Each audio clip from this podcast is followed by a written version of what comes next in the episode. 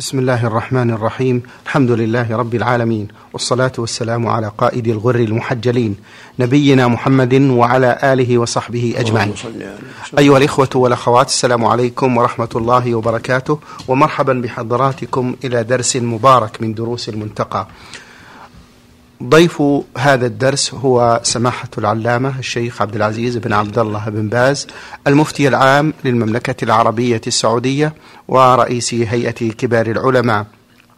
مع مطلع هذا اللقاء نرحب بسماحة الشيخ فأهلا ومرحبا يا سماحة الشيخ. حياكم الله وبارك فيكم آه، وقف بنا الحديث آه، في درس المنتقى عند باب هيئات الركوع. عن أبي مسعود عقبة بن عمرو أنه ركع فجاف يديه ووضع يديه على ركبتيه وفرج بين أصابعه من وراء ركبتيه وقال هكذا رأيت رسول الله صلى الله عليه وسلم يصلي رواه أحمد وأبو داود والنسائي. وفي حديث رفاعة ابن رافع عن النبي صلى الله عليه وسلم وإذا ركعت فضع راحتيك على ركبتيك رواه أبو داود. وعن مصعب بن سعد قال صليت إلى جنب أبي فطبقت بين كفي ثم وضعتهما بين فخذي فنهاني عن ذلك. قال كنا نفعل هذا فأمرنا أن نضع أيدينا على الركب. رواه الجماعة. بسم الله الرحمن الرحيم الحمد لله وصلى الله وسلم على رسول الله وعلى اله واصحابه ومن اهتدى بهداه اما بعد فهذه الاحاديث تدل على شرعيه وضع الايدي حال الركوع على الركب هذا هو السنة مع مجافاه العضدين على الجنبين فيضع يديه على ركبتيه مفرجتي الاصابع وكانوا في اول الامر في اول الاسلام يضعون اليدين مطبقتين بين الفخذين ثم نسخ ذلك كما في حديث سعد وأمر المسلمون أن يضعوا أيديهم على الركبتين حال الركوع مع مجافاة العضدين عن الجنبين ومع تسوية الظهر وجعل الرأس حيالة في حال الركوع. هذا هو السنة التي بينها الرسول صلى الله عليه وسلم للناس. اللهم صل عليه وسلم. نعم. ما نصيحتكم لمن لا لمن لا يحني ظهره في الركوع سماحة الشيخ؟ يكون خالف السنة الركوع صحيح لكن خالف السنة. لابد يحني ظهره حتى يستوي مع رأسه. يكون رأسه حيال ظهره ويحني ظهره حنوا كاملا كما كان النبي صلى الله عليه وسلم. وضع اليدين بين الركبتين ما حكم كله سنة كله سنة. سنة. كله سنة آه، متى يجوز الإماء في الركوع يا شيخ؟ نعم. متى يجوز إذا عجز عن الركوع نعم. لمرض نعم. لمرض في ظهره مثلا يكفيه النية. يركع بالنية الله أكبر وينوي الركوع بالنية. كالذي يصلي على جنبه لمرض نعم. أو واقف ولكن ما يستطيع الركوع أو جالس ولا يستطيع الركوع لمرض يكبر وينوي الركوع ويكبر وينوي السجود إذا عجز عن السجود سماحة الشيخ حفظكم الله مسابقة الإمام وموافقته في الركوع والسجود هل تبطل الصلاة؟ لا تجوز مسابقته لا في الركوع ولا في السجود بل يحرم على المصلي ذلك وتعمد ذلك يبطل الصلاة إذا تعمد ذلك لكن إذا وقع عن سهو لا يضر يرجع ويركع بعده ويسجد بعده. نعم. جزاكم الله خيرا سماحة الشيخ. قال المؤلف رحمه الله تعالى باب الذكر في الركوع والسجود. عن حذيفة قال صليت مع النبي صلى الله عليه وسلم فكان يقول في ركوعه سبحان رب العظيم وفي سجوده سبحان رب الأعلى. وما مرت به آية رحمة إلا وقف عندها يسأل. ولا آية عذاب إلا تعوذ منها رواه الخمسة وصححه الترمذي. وعن عقبة بن عامر قال لما نزلت فسبح باسم ربك العظيم قال قال لنا رسول الله صلى الله عليه وسلم اجعلوها في ركوعكم فلما نزلت سبح اسم ربك الأعلى قال اجعلوها في سجودكم رواه أحمد وأبو داود وابن ماجه.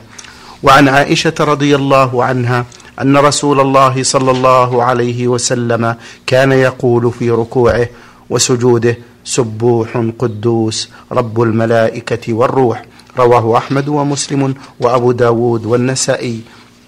وعن عائشة رضي الله عنها قالت كان رسول الله صلى الله عليه وسلم يكثر أن يقول في ركوعه وسجوده سبحانك اللهم ربنا وبحمدك اللهم اغفر لي يتأول القرآن رواه الجماعة إلا الترمذي.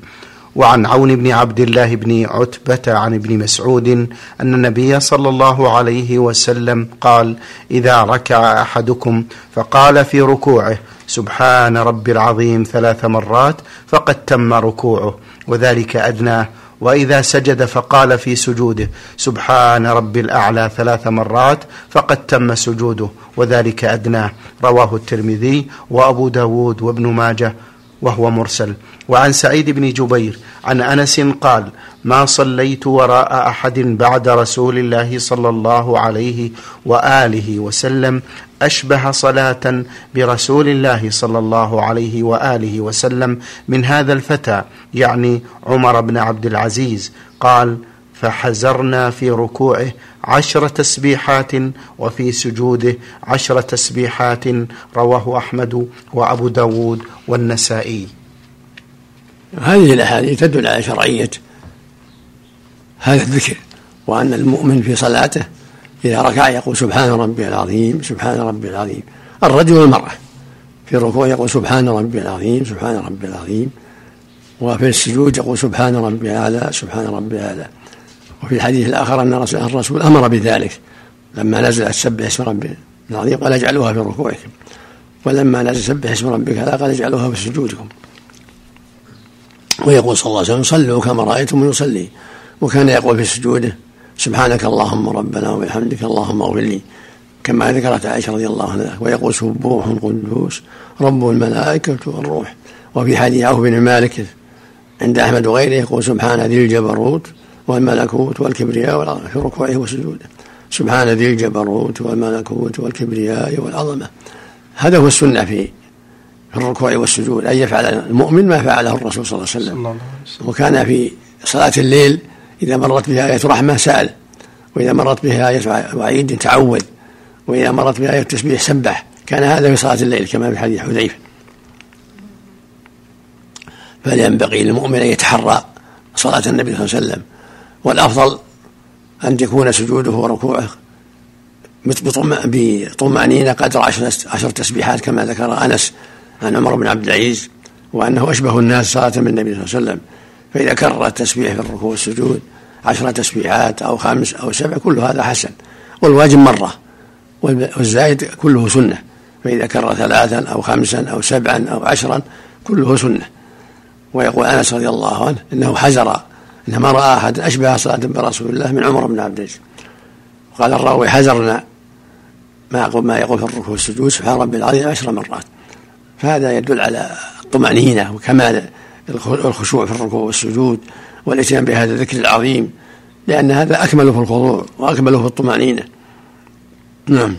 حفظكم الله. سماحة الشيخ الحد الأدنى لقول سبحان ربي العظيم. مرة واحدة. هذا الواجب. وأدنى كما ثلاث كما في حديث عون بن عبد الله المرسل. نعم. عون بن عبد الله بن عتبة. حفظكم لو قال سماحة الشيخ سبحان ربي الأعلى في الركوع وسبحان ربي العظيم في السجود. هل يجزي ذلك؟ إذا كان الناس يسجد السهو. يسجد السهو. ما يجزي. الواجب أن يقول الركوع سبحان ربي العظيم. وفي السجود سبحان ربي الأعلى. والمناسبة أن أن الركوع حال خضوع.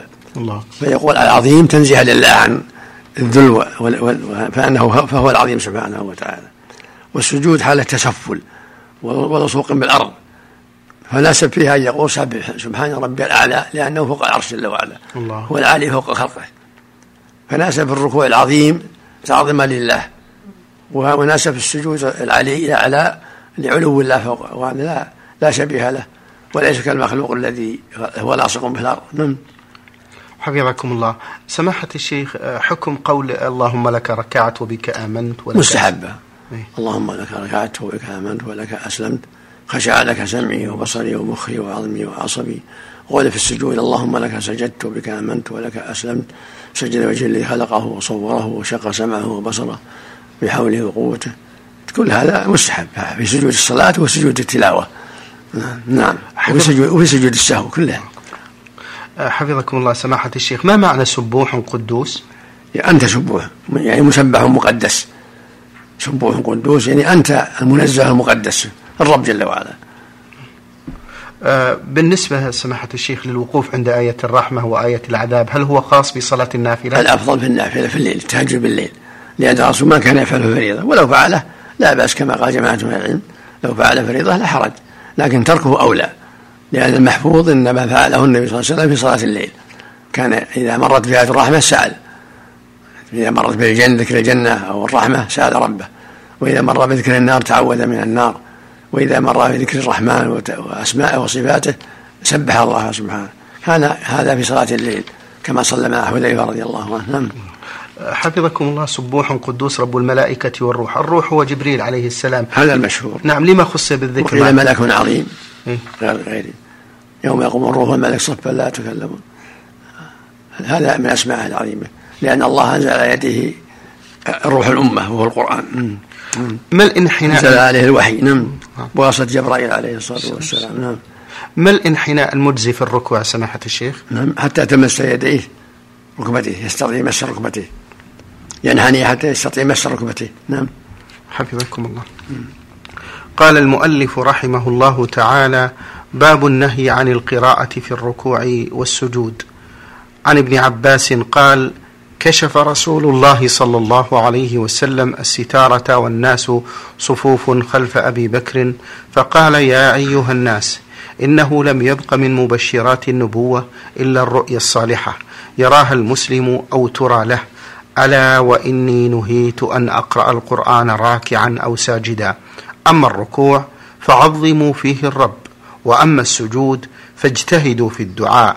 فقمن أن يستجاب لكم. رواه أحمد ومسلم والنسائي وأبو داود. هذا هو السنة. الركوع تعظيم الرب. والسجود الدعاء مع سبحان ربي الأعلى. ولهذا قال صلى الله عليه وسلم أما الركوع فعظموا فيه الرب. لا يقرأ فيه القرآن ولا في السجود. القراءة محل الوقوف. القراءة في حال في من يصلي قائما في محل الوقوف. ومن يصلي قائدا في حال القعود.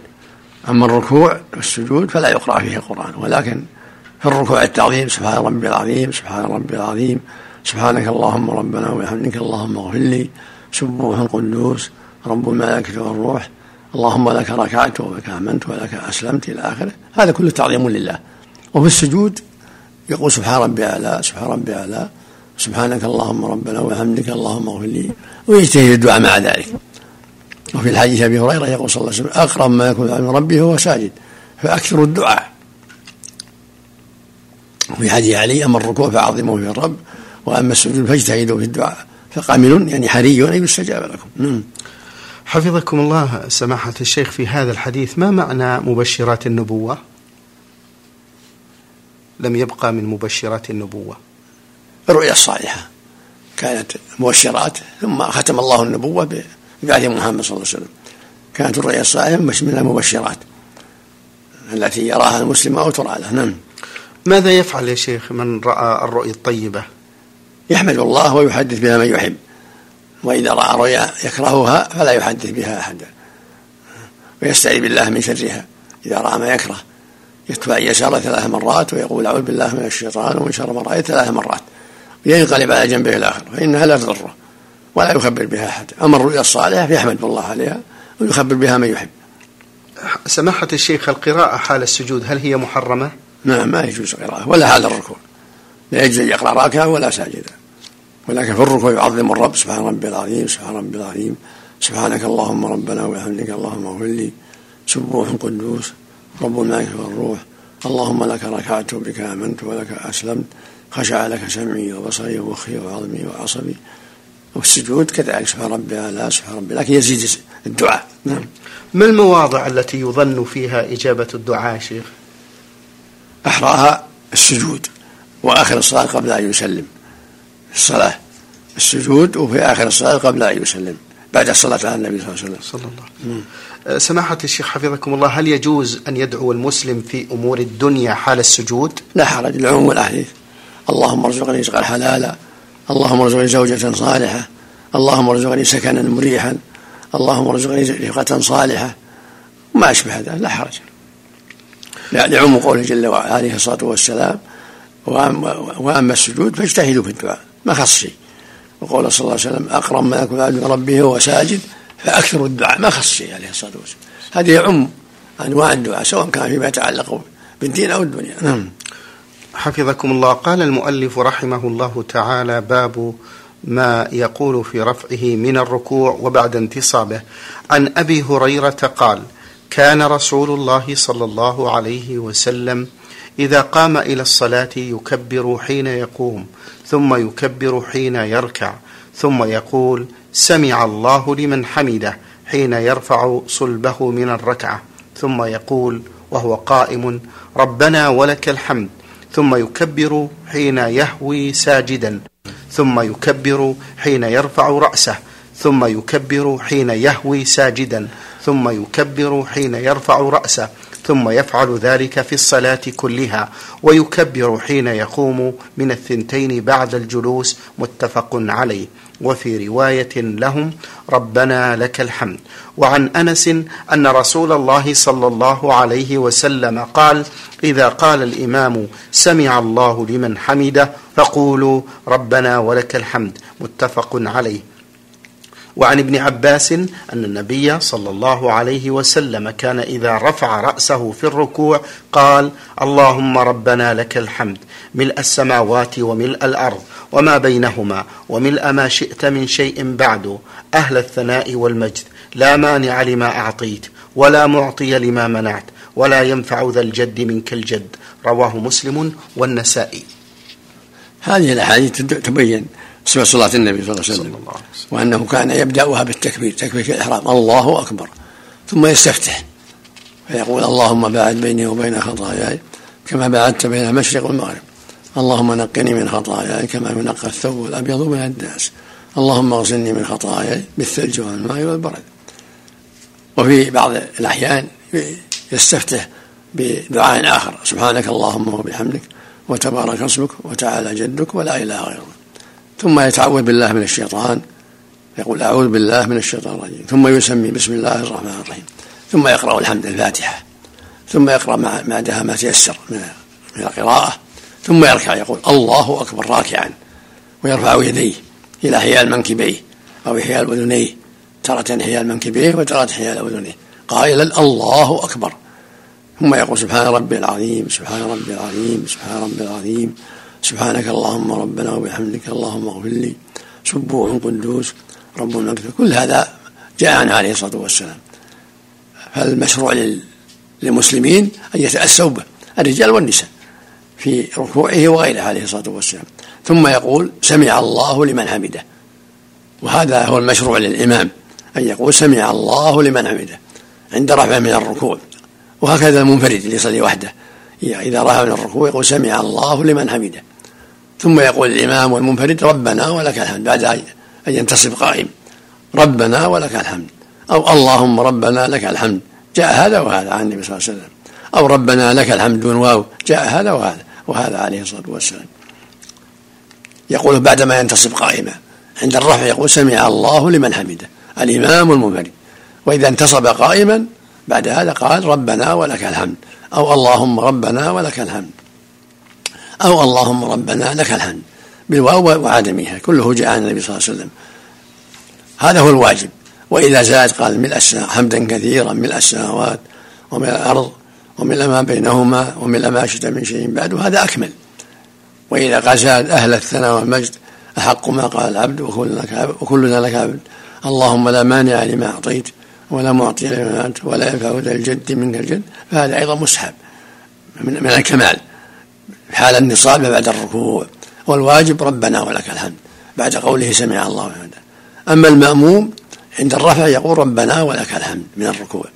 سمع الله ما خاص بالإمام والمنفرد أما المأموم فيقول ربنا ولك الحمد عند الرفع من الركوع. والأفضل يكمل ملء السماوات. حمدا كثيرا طيبا مباركا فيه. ملء السماوات وملء الأرض وملء ما بينهما وملء ما شئت من شيء بعد. هذا أفضل للجميع التكميل. وإن زادوا جميعا الإمام والمنفرد والمأموم. بعد هذا أهل الثناء والمجد يعني يخص أهل الثناء والمجد أحق ما قال العبد يعني هذا أحق ما قال العبد وكلنا لك عبد يعني كل الناس عبد لله.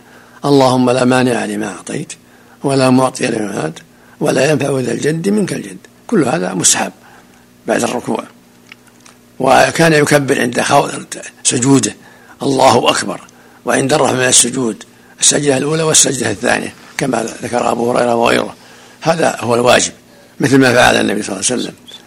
وكذلك يكبر إذا قام الشهد الأول للثالثة يقول الله أكبر في الظهر والعصر والمغرب والعشاء.